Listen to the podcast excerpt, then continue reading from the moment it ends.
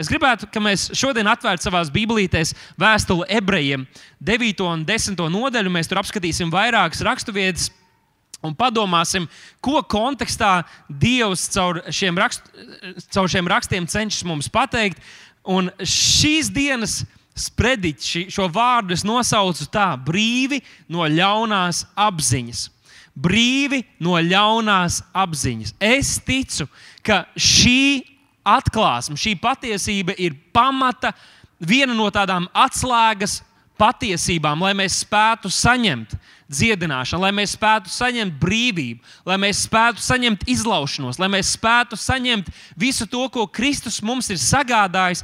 Es ticu, ka šī ir viena no atslēgas lietām, un, protams, tas nebūs nekas jauns, jūs to esat dzirdējuši vairāk kārtīgi, bet varbūt šoreiz ticēsim, ka Svētais Gars var no jauna un citā veidā mums to atvērt un darīt saprotam.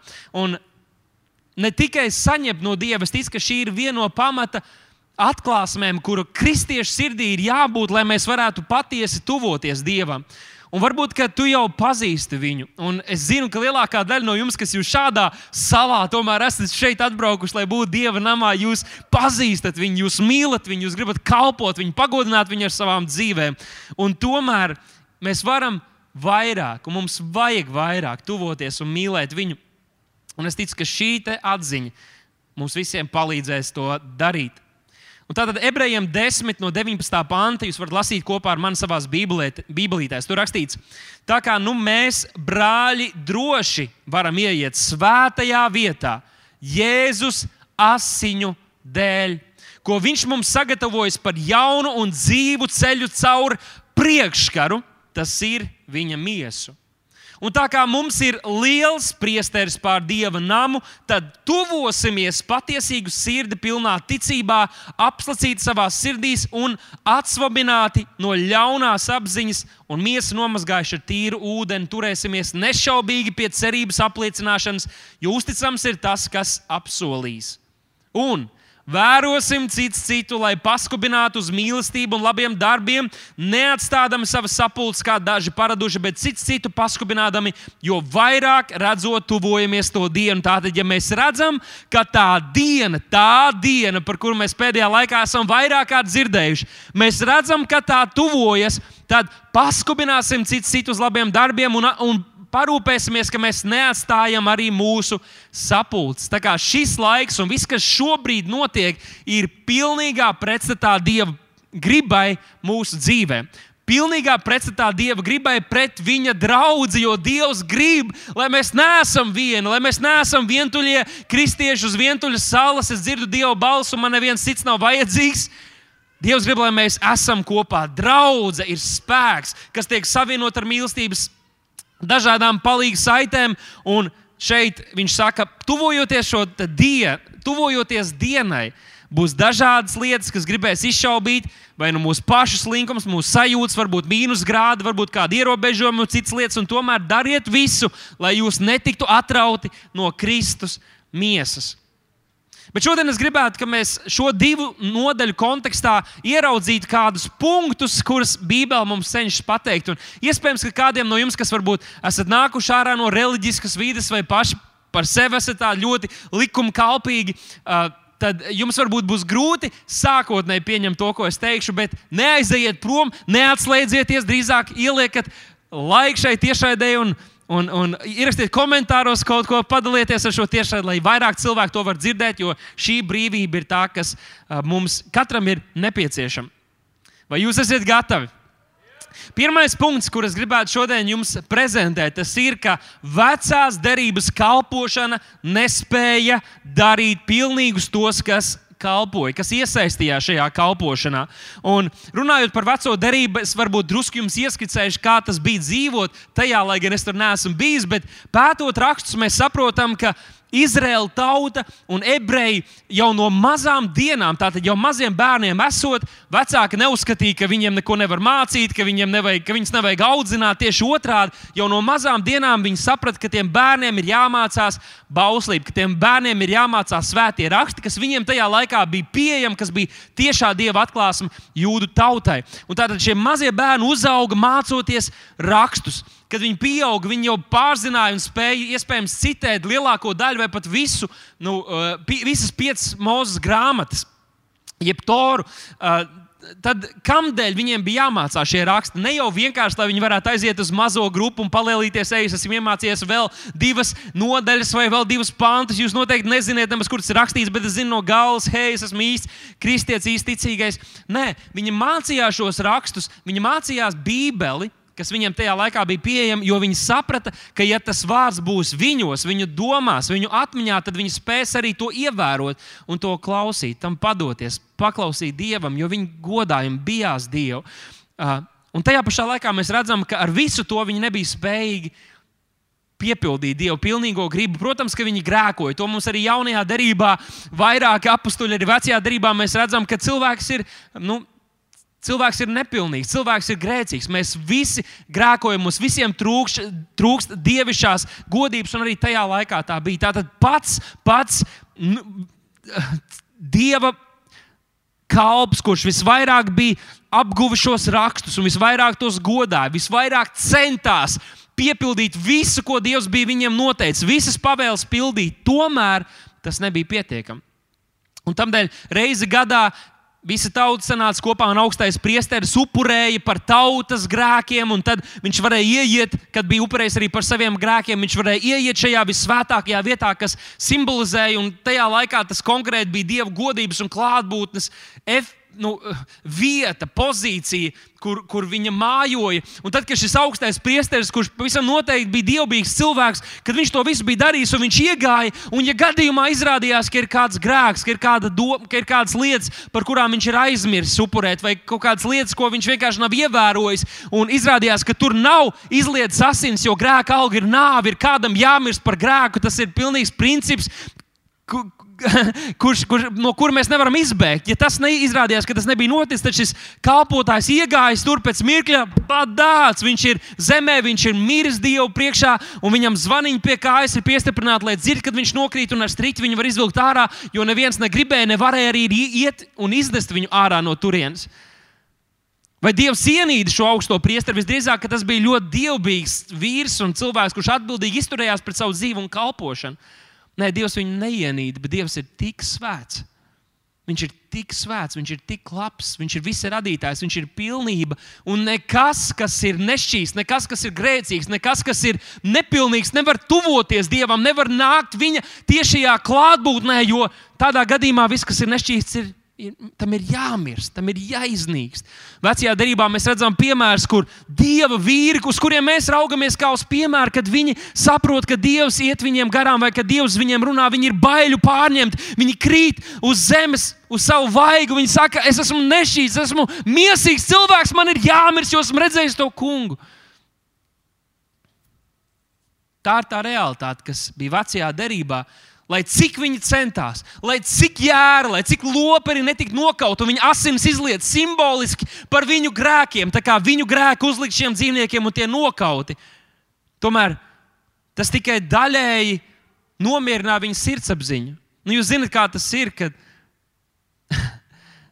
kad tu lūdz atdošanu, bet nākamajā dienā tu jau atkal to izdari. Vai jūs, jūs veicat upurēšanu, par grēkiem šajā gadā, kas ir bijuši, bet jau nākamajā dienā, nākamajā nedēļā jūs atkal sagrēkojat, un tev jādzīvo bailēs līdz pat nākamajam gadam, kad atkal jūs to varēsiet veikt un darīt. Šī kalpošana nespēja padarīt pilnīgs. Rakstīts ebrejiem 9,9. rakstīts pirmā telts, kas ir tagadējā laikmeta līdzība. Tātad tas, kas notika vecajā derībā, ir tikai līdzība, ieskats, attēls tam, kur mēs tagad dzīvojam, ko mēs tagad piedzīvojam. Tur rakstīts, saskaņā ar to tiek upurēts dāvāns un upuri, kas nevar padarīt pēc sirdsapziņas, sirdsapziņas pilnīgus tos, kas kalpo. Šie dievbijīgie cilvēki ik gadus, ik brīdi, viņiem tika atgādināts tas, cik viņi ir nevērtīgi cik viņi ir atkarīgi, cik viņi ir grēcīgi, cik viņi ir miesīgi. Taču otrais punkts ir tas, ka Jēzus panāca mūžīgu izpirkšanu. Vecās derības kalpošana to nespēja, bet Jēzus to izdarīja. Jēzus panāca mūžīgu izpirkšanu. Ebrejiem 9.12. rakstīts, ne ar āžu un teļu asinīm, kā vecajā derībā, bet ar savām paša asinīm, reizi par visām reizēm. Viņš ir iegājis svētnīcā un panācis mūžīgu izpirkšanu. Pasako par mani, mūžīgu izpirkšanu. Vēlreiz izvēles ļoti gari. Mūžīgu izpirkšanu izpirkšanu. Tātad vienreiz par visām reizēm viņš ir panācis mūžīgu izpirkšanu. Tas ir tas, ko Jēzus mums ir dāvājis. Tas ir tas, par ko mēs tikko viņu slavējām. Nevis tikai par to, ka viņš ir Dievs un viņš ir labs, bet to, ko viņš ir paveicis. Viņš ir izdarījis to, kas nebija vecās darbības kalpošanas, kas nebija cilvēka, dievbijīga cilvēka spēkā. Viņš ir panācis mūžīgi, mūžīgi izpirkšanu. Un ko tas nozīmē? Tas nozīmē, ka mūsu brīvība, ka mūsu atdošana nav tikai līdz nākamajam grēkam. Ka tā atdošana, ko mēs esam saņēmuši, nav tikai līdz nākamajai reizei, kad mēs atkal pakritīsim. Un tad mums atkal jābūt bailēs, jābūt satrauktiem, vai es neesmu pazaudējis glābšanu, vai gadījumā viss nav beidzies, vai gadījumā es tagad neju uz zeli, vai Dievs tagad uz mani nedusmojās. Mūžīgu izpirkšanu. Mūžīga izpirkšana. Mums nav jādzīvo bailēs, tā ir mūžīga izpirkšana šajā laikā, un arī tad, kad mēs skatīsim viņu vajag, vaigā, tātad, tad, kad Jēzus nomira par mūsu grēkiem un mēs pieņēmām viņu par mūsu dzīves kungu, tad ar viņu upuri bija pietiekami, lai samaksātu par mūsu pagātnes, par mūsu tagadnes, tādiem esošajiem grēkiem. Mēs visi cīnāmies, mēs neesam pilnīgi, un arī par nākotnes grēkiem. Jēzus samaksāja pilnu cenu. Ko mēs vēl redzam šeit, ebreju vēstulē? Mēs redzam, ka Jēzus upuris padara svētus un uz visiem laikiem pilnīgus. Un šeit ir liela atšķirība no tā, ko mēs iepriekš runājām. Tātad mūžīgi izpirkšana, tas ir vienkārši, ka ir samaksāts par mūsu grēkiem. Ok, mēs kaut kā varam iekļūt debesīs, mēs kaut kā varam dzīvot vietā, ka Dievs nedusmojas mums, bet šeit ebrejiem 10, un 4, 10, 10 un 14 rakstīts. Pēc šīs gribas mēs esam ar Jēzus Kristus miesas upuri padarīti svēti pavisam. Es zinu, ka šo lasot, jūs domājat, ka tas ir rakstīts par Jēzu. Bet Jēzus ir svēts, Jēzus bija svēts, Jēzus būs svēts. Nevienu grēku viņš nedarīja. Šī raksturvieta runā par mums. Pēc šīs gribas mēs ar Jēzus Kristus miesu upuru esam padarīti svēti pavisam. Pasaki, svēts pavisam. Vai tu esi svēts pavisam? Daudz no jums vēl domājat. Tu taču apzinājies, tu taču zini, ko tu darīji šorīt. Tu taču zini, ko tu darīji pagājušā nedēļā. Tu zini, ko tu darīsi rīt. Bet Bībele saka, ka tu esi darīts svēts pavisam. 14. pāns. Jo ar vienu upuri viņš ir uz visiem laikiem ir padarījis pilnīgus tos, kas tiek darīti svēti. Tātad 10. pantā viņš saka, ka mēs esam padarīti svēti pavisam, un 14. pantā viņš saka, tos, tos, kas tiek darīti svēta, viņš uz visiem laikiem ir padarījis pilnīgus. pilnīgus, svētus. Tie ir vārdi, ar kuriem mēs raksturojam Dievu. Bet šeit Svētais gars caur saviem apstuļiem runā uz mums un saka, jūs tādi esat darīti.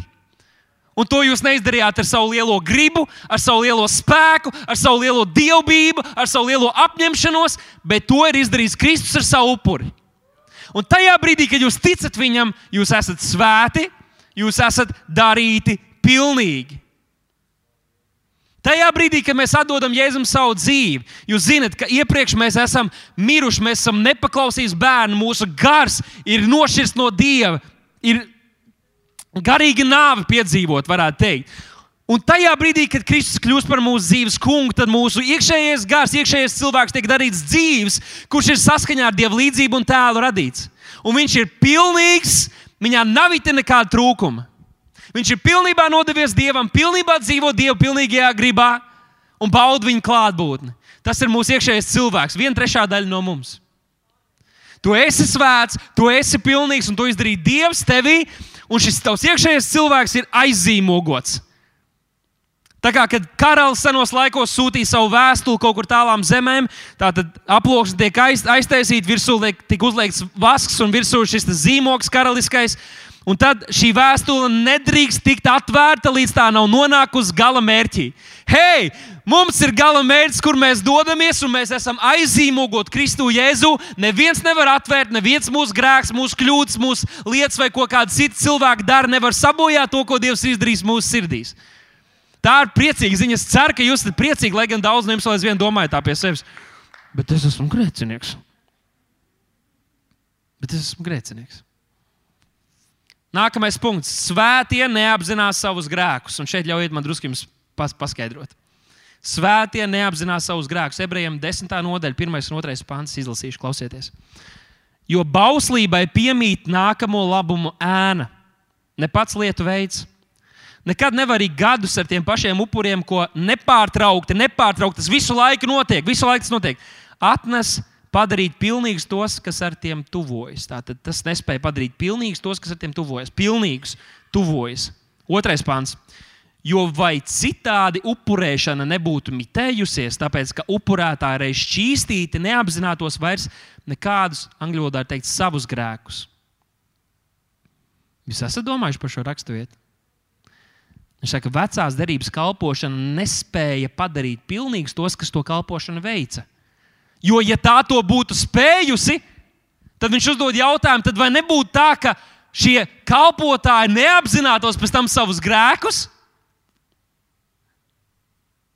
Kad mēs dzirdam par svētajiem, mēs lasām Bībelē, bet ja mēs iedziļināmies un koncentrējamies, ka mēs lasām, tad mēs redzēsim, ka katrs viens dieva lietotais vīrs ir bijis nepilnīgs, ir bijis kļūdains, ir pieļāvis kļūdas varētu uzsaukt vecās darbības patriārhus, jaunās darbības varoņus. Viņi visi ir bijuši nepilnīgi cilvēki. Dievam nekad nav bijuši pilnīgi trauki, ko lietot.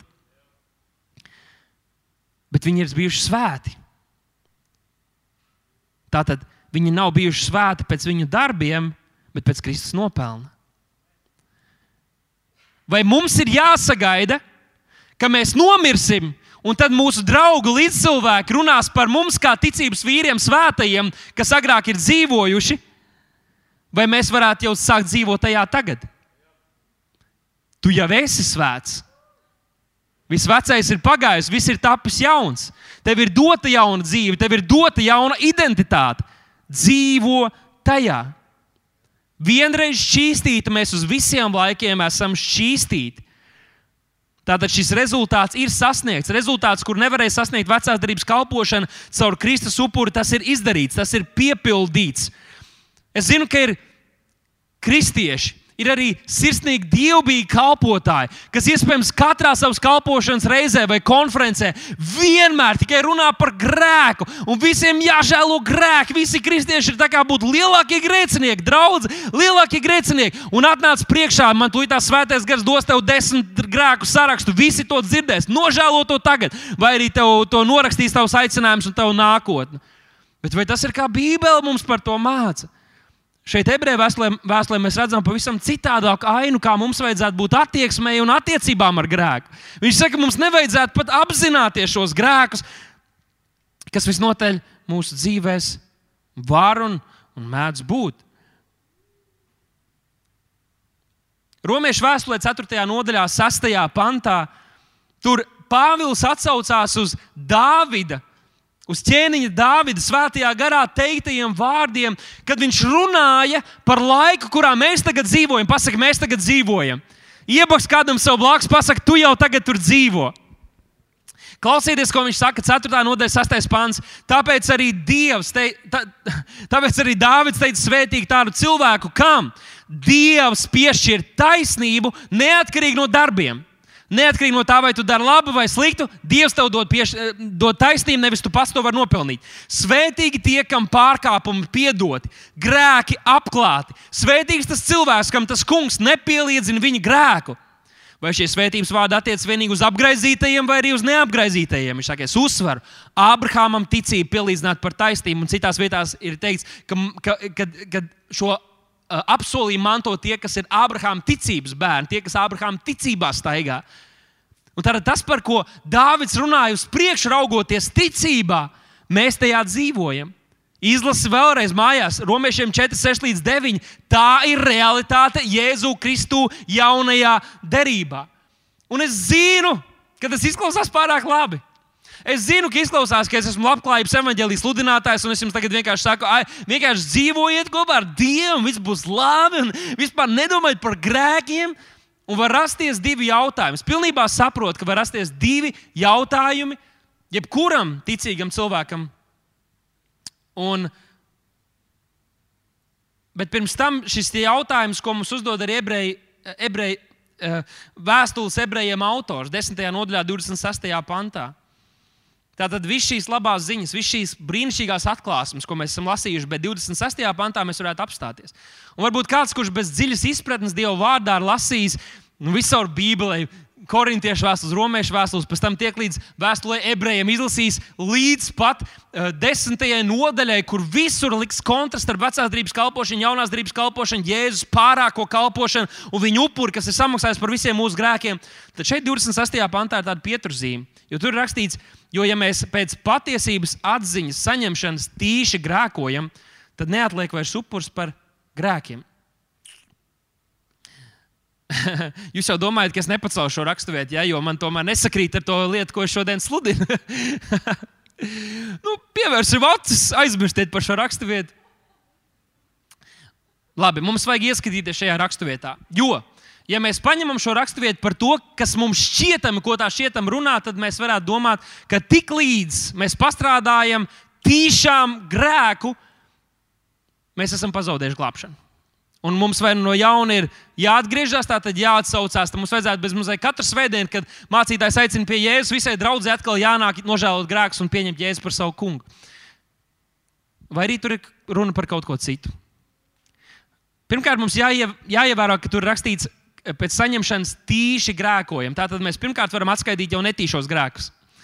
Kas ir netīšie grēki? Zini, labi darīt, nedara, svētais gars tev pamudina, un tu varbūt esi aizņemts kaut kā nepamani, neuzdrīksties. Kaut kādas citas lietas, kur pavisam netīšām, bez tāda iepriekšēja nodoma, bez labprātīgas līdzdarbības tajā, tu padari kaut, nodari kaut ko sliktu, kaut ko nepareizu, Dieva acīs kļūdīgu. Tas būtu netīšs grēks. Šeit mēs sakām, ok, ebreju vēstules autors, tas mums ir piedots, mēs vēl aizvien esam glābti. Bet tīši. Lielākā daļa no cilvēku grēkiem ir tīši izdarīti. Zakšana, aprunāšana, melošana, iekārošana, varētu vēl un vēl daudzus uzskaitīt, ko mēs tīši mēs apzināmies. Pornogrāfijas skatīšanās, dažādu atkarību izraisošu vielu lietošanu. Mēs to apzināti darām, mēs to tīši darām. Vai tad, kad mēs to izdarām, vai saskaņā ar šo raksturvietu, mūsu glābšana ir norakstīta, vai mums atkal ir jāiet pie Jēzus, un Jēzum atkal vai nu ir jāmirst, vai jāņem tā savas asins kaut ko no spāņiem, atkal ir jāmazgā mūsu. Vai tas ir tas, par ko šeit runāts? Es ticu, ka nē, es ticu, ka vienīgais grēks, kurš var mums laupīt šo glābšanu, ko Kristus mums savā žēlstībā ir dāvājis, ir tas, ka mēs noraidām Kristu. Tas, ka mēs noraidām Kristu. Un patiesībā, ja mēs lasām šo pašu vēstuli nedaudz, nedaudz tālāk, tad mēs redzēsim, ka Tur tie vārdi ir lietoti ļoti spēcīgi. 27. pantā šis cilvēks, kurš tīši grēkojas un ir pazaudējis savu glābšanu, tiek raksturots kā pretinieks. 28. pantā viņš tiek raksturots kā tāds, kas nicina Dievu. 29. pantā tāds, kas dieva dēlu minis kājām un derības asins turēs par nesvētām. Un kontekstā šo raksturvietu uzdrīkstos izskaidrot kā tādu, ka tas ir cilvēks, ka tas ir ja gribat, kristietis, kas agrāk bijis kristietis, kurš ir tik ļoti grēkā nocietinājis savu sirdi, un tas ir iemesls, kādēļ mums ir jānožēlo, jānožēlo, kāpēc mums ir jātiek vaļā no grēkiem, pat ja mums tie ir piedoti, lai mūsu sirds netiktu nocietināta, un kādu dienu mēs nebūtu tie, kas mēs paši ienīstam Dievu, Dieva vārdu, Dieva ieceltas autoritātes, kas mēs esam saminuši Dieva dēlu kājām, ne burtiski, bet mūsu sirdīs. Un, kā jau teicu, tas noved mūs līdz šiem diviem jautājumiem, uz kuriem es gribētu arī īsi šodien atbildēt. Un pirmais no tiem varētu skanēt tā, vai mēs varam turpināt grēkot. Un otrais, vai grēkus tad nav jānožēlo. Viss šī labā ziņa, viss šī labā vēsts, par ko esmu prieka vēsts, atvainojos, prieka vēsts, par kuras esmu runājis. Varētu novest līdz šiem jautājumiem, vai mēs varam turpināt grēkot, un vai grēkus nav jānožēlo. Jums radās šie jautājumi, kamēr es to runāju?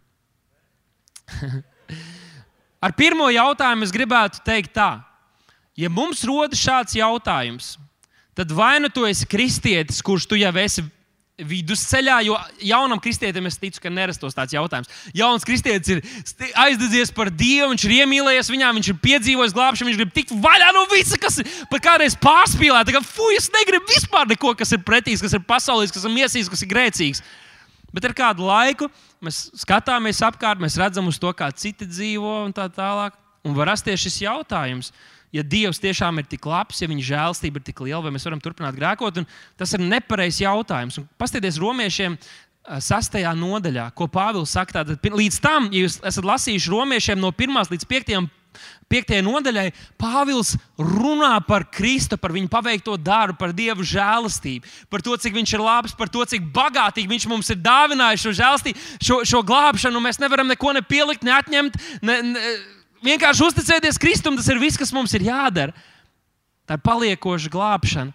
Un vi, tā vēsts ir tik laba, ka rakstot, Svētais Gars jau zina, un Pāvils to paredz, ka būs cilvēki, kas to lasīs, un iespējams, ka viņi gribēs nomest to, to, to vēstuli zemē un aizskriet priecīgi uz bāru vietējo, vietējo skritīs klubu. Hei, es esmu glābts, un es gribu uzdzīvot! Bet viņš jau pirms tas notiek, jo parasti septītajā nodaļā cilvēki var ciest grāmatas. Pirms septītās nodaļas viņš sastajā nodaļā grib atbildēt uz šo jautājumu, kas cilvēkiem varētu rasties. Un klausieties, ko viņš tur saka. Es dažus pantus izlasīšu, romiešiem seši. Pirmajā pantā viņš saka, ko lai nu sakām? Vai paliksim grēkā, lai vairojas žēlastība? Tātad Dieva žēlstība ir lielāka. Vienalga, cik dziļā bedrē iekrīt, vienalga, kādu grēku tu esi darījis, Dieva žēlstība ir pietiekami stipra, lai tevi izglābtu un izceltu ārā. Un tagad viņš saka, Nu, ko?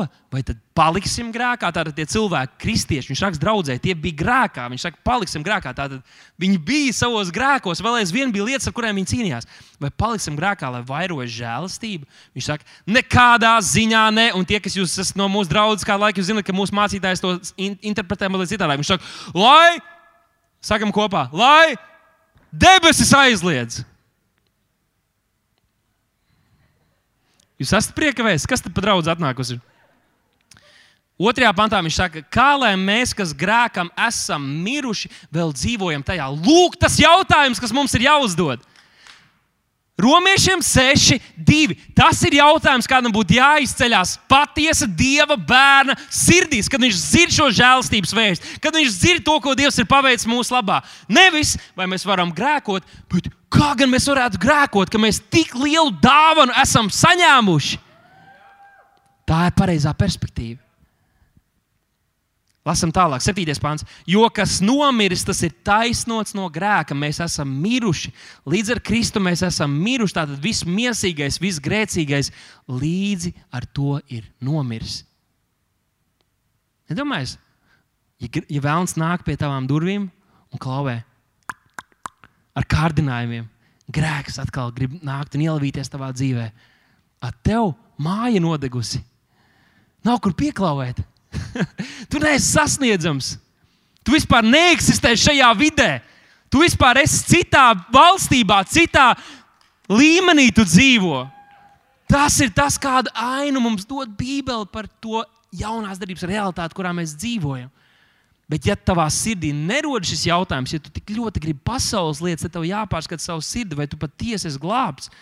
Jo Dievs mūsu sirdīs ieliek jaunu, jaun, viņš ieliek savu garu, viņš ieliek savas vēlmes, viņš ieliek mūsu, ka mēs gribam tiekties pēc svēta, pēc laba, pēc tīkam.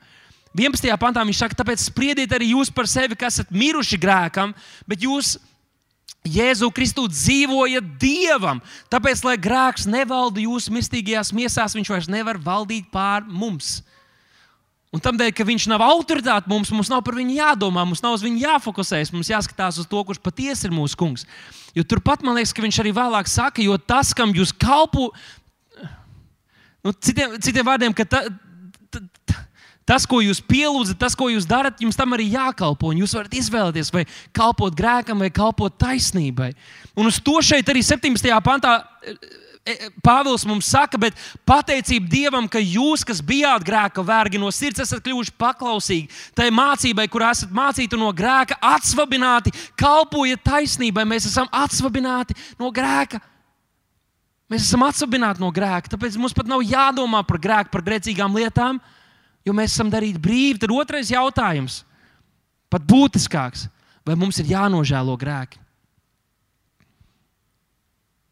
Bērni kādreiz jau no agras bērnības tiek aicināti pie gultiņas vakarā, atcerēties, pārdomāt dienu un visus grēciņus nožēlot. Un ir daudz kristiešu, kas tā arī dzīvo. Un jāsaka, godīgi, ka līdzīgi kā tas ir attiecībās ar cilvēkiem, ja es esmu tevi sāpinājis, ja esmu rīkojies, teiksim, ja, ja tā ir mana sieva, un, un ja, ja mēs runājam par manu sievu, un es esmu darījis kaut ko, kas viņu ir sāpinājis, kas ir pretēji tam, varbūt, ko, ko es esmu solījis, ka tam ir tikai viņa man tāpat mīlēs, un viņa būs kopā ar mani, bet lai tās attiecības varētu plaukt un zelt, no manas paša puses ir labi pazemoties un atzīt manas kļūdas. Un tomēr vai mums būtu jādzīvo visu laiku domājot par grēkiem, ar kuriem esam pinušies, kuros esam dzīvojuši. Un es domāju, ka Un es gribētu parādīt divas raksturvietas, un iespējams, ka tās ir daļai pārprastas. Visbiežāk tās tiek lietotas arī tieši, lai runātu par šo grēku nožēlu. Un pirmā no tām ir Jēkabā vēstule 5. nodaļa, 16. pāns, kur ir rakstīts: izsūdziet cits citam savus grēkus un aizlūdziet cits par citu, ka jūs to pat dziedināt. Un, ja mēs ņemam šo raksturvietu, tad, tad tur ļoti jāsagroz Dieva vārds, lai kāds varētu sludināt, ka šī ir grēka nožēla. Ir kāda, kas saka, nu, redziet, tev reizi nedēļā jādodas pie tāda un tāda priestera vai kādā konkrētā vidē uz savu mazo grupu. Varbūt mazās grupas vadītājs kāds grib uzklausīt katru vakaru, pazvanīt tev, ko tu šodien sagrēko, izstāst visu detaļās, visu nianses, grib zināt. Uh, vai par to tur varētu būt runa? Es ticu, ka nē, tur runāts par savstarpējām attiecībām. Ja tu esi sāpinājis kādus, ja tu esi rīkojies nu, pretēji, kā tu esi solījis, tad tas ir tikai labi, ka tu izlīdzini attiecības, ka tu pazemojies. Tas var palīdzēt. Bībeli saka, lai, lai, lai vīri izturās uh, maigi un saudzīgi pret savām sievām, lai viņu lūgšanas netiktu traucētas. Un mūsu savstarpējās attiecības var ietekmēt to, ko mēs esam spējīgi saņemt no Dieva.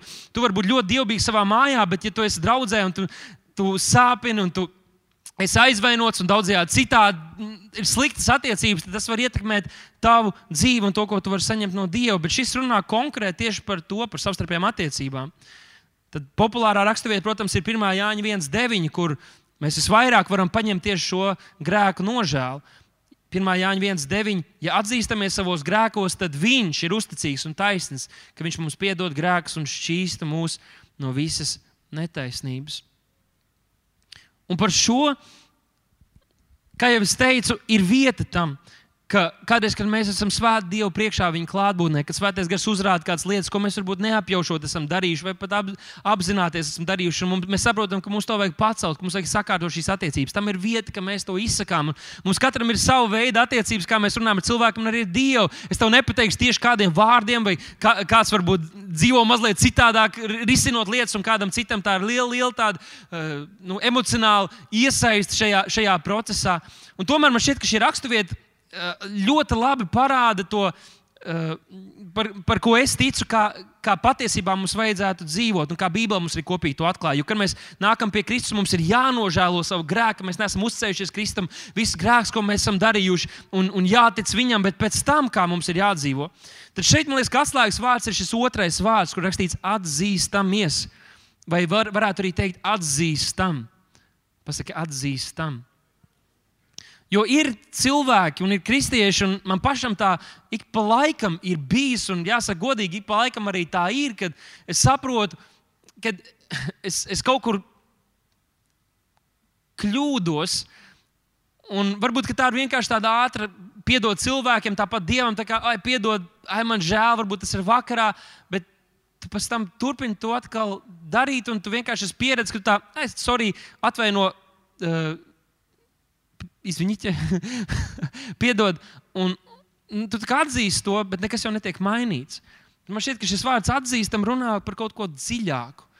Tas ir, ka Dieva vārds ir tevī, ka svētais gars tev vada, un ka tu rīkojies un, un tu atzīsti, ka tava rīcība, ka tavas domas ir bijušas pretēji dievišķajam ceļam, dieva standartiem, dieva aicinājumam.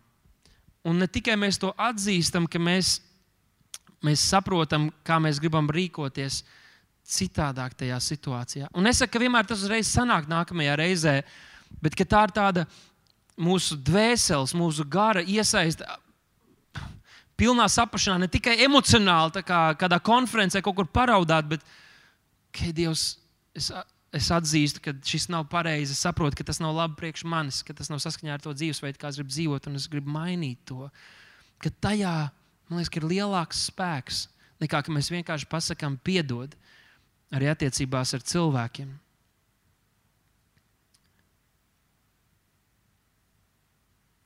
Ko es gribu teikt? Kad cil... kristietis jau arī pieņems Jēzu, viņš vēl aizvien izdara kļūdas, viņš vēl aizvien grēko. Mēs visi grēkojam, mums visiem trūkst dievišķās godības. Un tomēr, kad kristietis grēko, viņa gars ir pasargāts, ir aizīmogots. Un tā ir viņa dvēsele un miesa, kas piedalās tajā lietā. Tāpēc Pāvils kādā vietā saka, novelciet veco cilvēku, uzvelciet jauno cilvēku. Un Bībeles skolā mācītāji kāds reizes stāstīja par to, ka tā vecā miesa var tā kā tāds tolets papīrs tev būtu pielips pie kājām, kas velkas līdzi, un tev vienkārši ir jāmācās un jācenšas tikt no tā vaļā, jo tava jaunā daba jau ir pavisam citādāka un tā realitāte, kurā tu dzīvo. Kristus šķīsta mūsu sirdsapziņu un atsvabina no ļaunās apziņas. Kristus šķīsta mūsu sirdsapziņu un atsvabina no ļaunās apziņas. Es zinu, ka bieži runājot par cilvēkiem pasaulē, mēs norādām, ka sirdsapziņa ir dieva ielikta viņos. Un tā ir. Bet sirdsapziņa nav vienlīdzīga svētajam garam. Sirdsapziņa nav vienlīdzīga dieva vārdam. Arī sirdsapziņa var kļūdīties. Ļaujiet man jums pateikt, kā. Ja pasaulē cilvēki dzīvo grēkā, dzīvo grēkā, tad sirdsapziņa viņiem liecina par to, un tādēļ viņiem vajag visādas lietas darīt, lai apklusinātu to, ka viņi jūtas vainīgi par to, ko viņi dara, kādā grēkā viņi dzīvo. Un tas šai sirdsapziņai vajadzētu viņus vest pie Kristus, ka viņi saprot, ka viņi ir vainīgi, ka viņi ir miesīgi, ka viņi ir kļūdījušies. Vest pie Kristus. Un tas iespējams bija tas, kas atved mūs pie Dieva, ka mēs saprotam, mēs it kā darām to, ko mēs gribam, bet tas nav pareizi. Mūsu iekšējais cilvēks, mūsu sirdsapziņa mums par to liecina. Un tomēr vai var būt tā, ka jaunajā derībā pieņēmuši Jēzu Kristu par savu kungu, ka mūsu sirdsapziņa visu laiku var mums atgādināt par mūsu kļūdām, par, par, par kaut kādiem mazām, maziem grēciņiem, lietiņām, kuras it kā ir pareizi, ka tās nav labas, un tomēr tās var vilkt mūs atpakaļ pie pīšļiem, vilkt atpakaļ mūs pie šiem pašiem grēkiem. Tāpēc atsvabināt no ļaunas apziņas. Ticu, ka Dievs grib šķīstīt arī mūsu sirdsapziņas, lai, sirdsapziņu, lai ne tikai mūsu prāts, bet arī mūsu sirdsapziņa pielīdzinās Dieva vārdam un izprot un skatās lietām, kādas tās ir. Mūsu sirdsapziņa var mūs apsūdzēt, bet var mūs arī attaisnot. Un Bībelē vairākās vietās, un daudzas raksturvietas varētu jums rādīt, kur Apostoli runā par skaidru sirdi, par labu sirdsapziņu, kādā tie kalpo un kādā tie ir nodevušies, uh, uh, vai, vai kādā tie darbojās ar cilvēkiem, cenšas palīdzēt vai pamācīt. Tātad sirdsapziņa nav slikta, bet tai ir jātiek arī šķīstītai no šīs vecās apziņas, kas skatās tikai uz to, ko mēs darām, un nevis uz Kristu. Un kādreiz var būt tā, ka tavs sirdsapziņa tevi apsūdzēs mazās lietās, bet svētais gars tevi ceļ ārā. Svētais gars, sirdsapziņa tev saka, skaties, ko tu izdarīji, bet svētais gars tev saka, skaties uz Kristu. Skaties, ko viņš izdarīja, skaties, ko viņš ir paveicis, skaties, kādu viņš tev ir darījis. Vai var būt tā, ka mūsu sirdsapziņa var arī cīnīties pret mums pašiem? Jā, bet tāpēc Bībele saka, ka Dievs grib šķīstīt mūsu sirdsapziņu. Un pašai augstākajai autoritātei mūsu dzīvēm ir jābūt nevis mūsu sirdsapziņai, nevis citu cilvēku teiktiem, pat mazajā grupā vai kaut kāda cita, kas ir lasījuši Bībeli, bet Dieva vārdam, ja to saka Dieva vārds, tad tā ir patiesība par mani, un neviens cits nevar pārliecināt man par pretējo. Un paklausieties ebrejiem 9,14, kas ir teikts, Kristus asins, kas mūžīgā gara spēkā pats sevi ir bezvainīgi upurējis Dievam. Tātad Kristus visu, ko viņš darīja šeit virs zemes, viņš darīja svētā gara spēkā. Viņš nodzīvoja svētu dzīvi, viņš aizgāja līdz krusta nāvei, viņš augšām cēlās svētā gara spēkā. Uzdrīksties man pateikt, ka mūsdienu kristietim nav vajadzīgs svētais gars. Nav vajadzīgs svētā gara spēks, lai dzīvotu šo jaunu apskaidroto dzīvi. Ja Kristum tas bija vajadzīgs, tev tas ir vajadzīgs 3, 700 kārtīgi vairāk. Pieķeries viņam, draudzējies ar viņu, baudi viņa klātbūtni. Bet ir rakstīts, ka svētā gara spēkā viņš ir upurējis šo bezvainīgo uh, jāru sevi dievam. Viņš šķīstīs mūsu sirdsapziņu no nedzīviem darbiem kalpošanai, dzīvajam Dievam. Tātad mērķis šķīstīšanai mūsu sirdīs, mūsu sirdsapziņā ir, lai mēs spētu patiesi kalpot taisnībai un kalpot dzīvajam Dievam. Kas ir šie nedzīvie darbi, no kuriem mums ir jātiek šķīstītiem mūsu sirdsapziņā? Kā jau es esmu runājis, es ticu, ka viens no veidiem, kā mēs to varam saprast, ir, ka viņš šķīstīs mūsu sirdsapziņu no šīs ļaunās apziņas, kad mēs visu laiku apzināmies mūsu grēkus un kļūdas. Viņš šķīsta mūsu sirdsapziņu. Nedzīvi darbi tie ir, tie nedzīvi darbi. Bet tāpat šķīstīšana mūsu dvēselēm, sirdsapziņai. Un šie nedzīvie darbi ir arī šis otrs grāvs, kas ir mūsu reliģiskie darbi kad mēs esam izlasījuši, kad mēs esam kalpojuši, kad mēs esam ziedojuši, un mēs jūtamies, hei, tagad es varu saņemt. Neko tu nevari. Tad, kad tāda ir tava sirds, neko tu nevari. Kad tu balsties uz jebko citu, kas nav Kristus, pie krusta miris. Tu neko nevari saņemt, lai cik dievbijīgi un sirsnīgi izklausītos tavu lūgšanu. Tev ir jāliek fokus uz viņu fokus uz viņu. Ko Kristus ir izdarījis? Tikai viņam es pateicos. Un ebrejiem 10. nodaļā, 21. pantā, ko es jau lasīju, ir rakstīts, un tā kā mums ir liels priesteris pār dieva namu, viņš aicina mūs tad tuvosimies dievam. Patiesīgu sirdi, pilnticībā, apslīd savā sirdī, atsvabināt no ļaunās apziņas, miesu nomazgājuši ar tīru ūdeni. Dieva vārds mūs mazgā. Jēzus teica, jūs jau esat tīri to vārdu dēļ, ko esmu runājis uz jums. Klausieties, viņš saka, tad tuvosimies Dievam. Tā kā šī ir patiesība, tā kā viss tas, ko viņš ir līdz šeit desmitajai nodaļai runājis un atklājis, viņš saka, tad nu tuvosimies Dievam. Vecajā derībā bija tikai daži izredzētie, kas varēja iet Dieva pašā klātbūtnē, viņa godības klātbūtnē. Un tad pat tas bija milzīgs risks, ka viņi varēja iet pa galam, ka viņi varēja mirt viņu grēku dēļ. Vēstules autors, ebreju vēstules autors, viņš saka, tad, nu, lai cik nepilnīgi, lai cik ar grēku vēl cīnoties, mēs arī būtu savā miesā, tuvosimies Dievam caur Jēzu Kristu, kurš ir tā kā tunelis caur šo priekškaru. Dievs tevi aicina tuvībā ar sevi nav nekas, kas tevi var atturēt. Šeit mēs saprotam, ka Dievs ir izdarījis pilnīgi visu, lai tu varētu iemantot šīs attiecības ar viņu, lai tu varētu baudīt viņa klātbūtni savā ģimenē, savā darba vietā, tur, kur tu esi savā personīgajā laikā ar Dievu, lai Dieva vārds atvērtos tev vaļā. Ja tu tieksies pēc viņa, viņš tev ir pieejams. Aiztura nav augšā, aiztura nav pie Dieva. Tas ir jautājums, ko tu dari tavu motivāciju, vai tu balsties savos darbos, un tam dēļ tu gribi kaut kā izpelnīties, nokļūt pie Dieva, viņa klātbūtnē.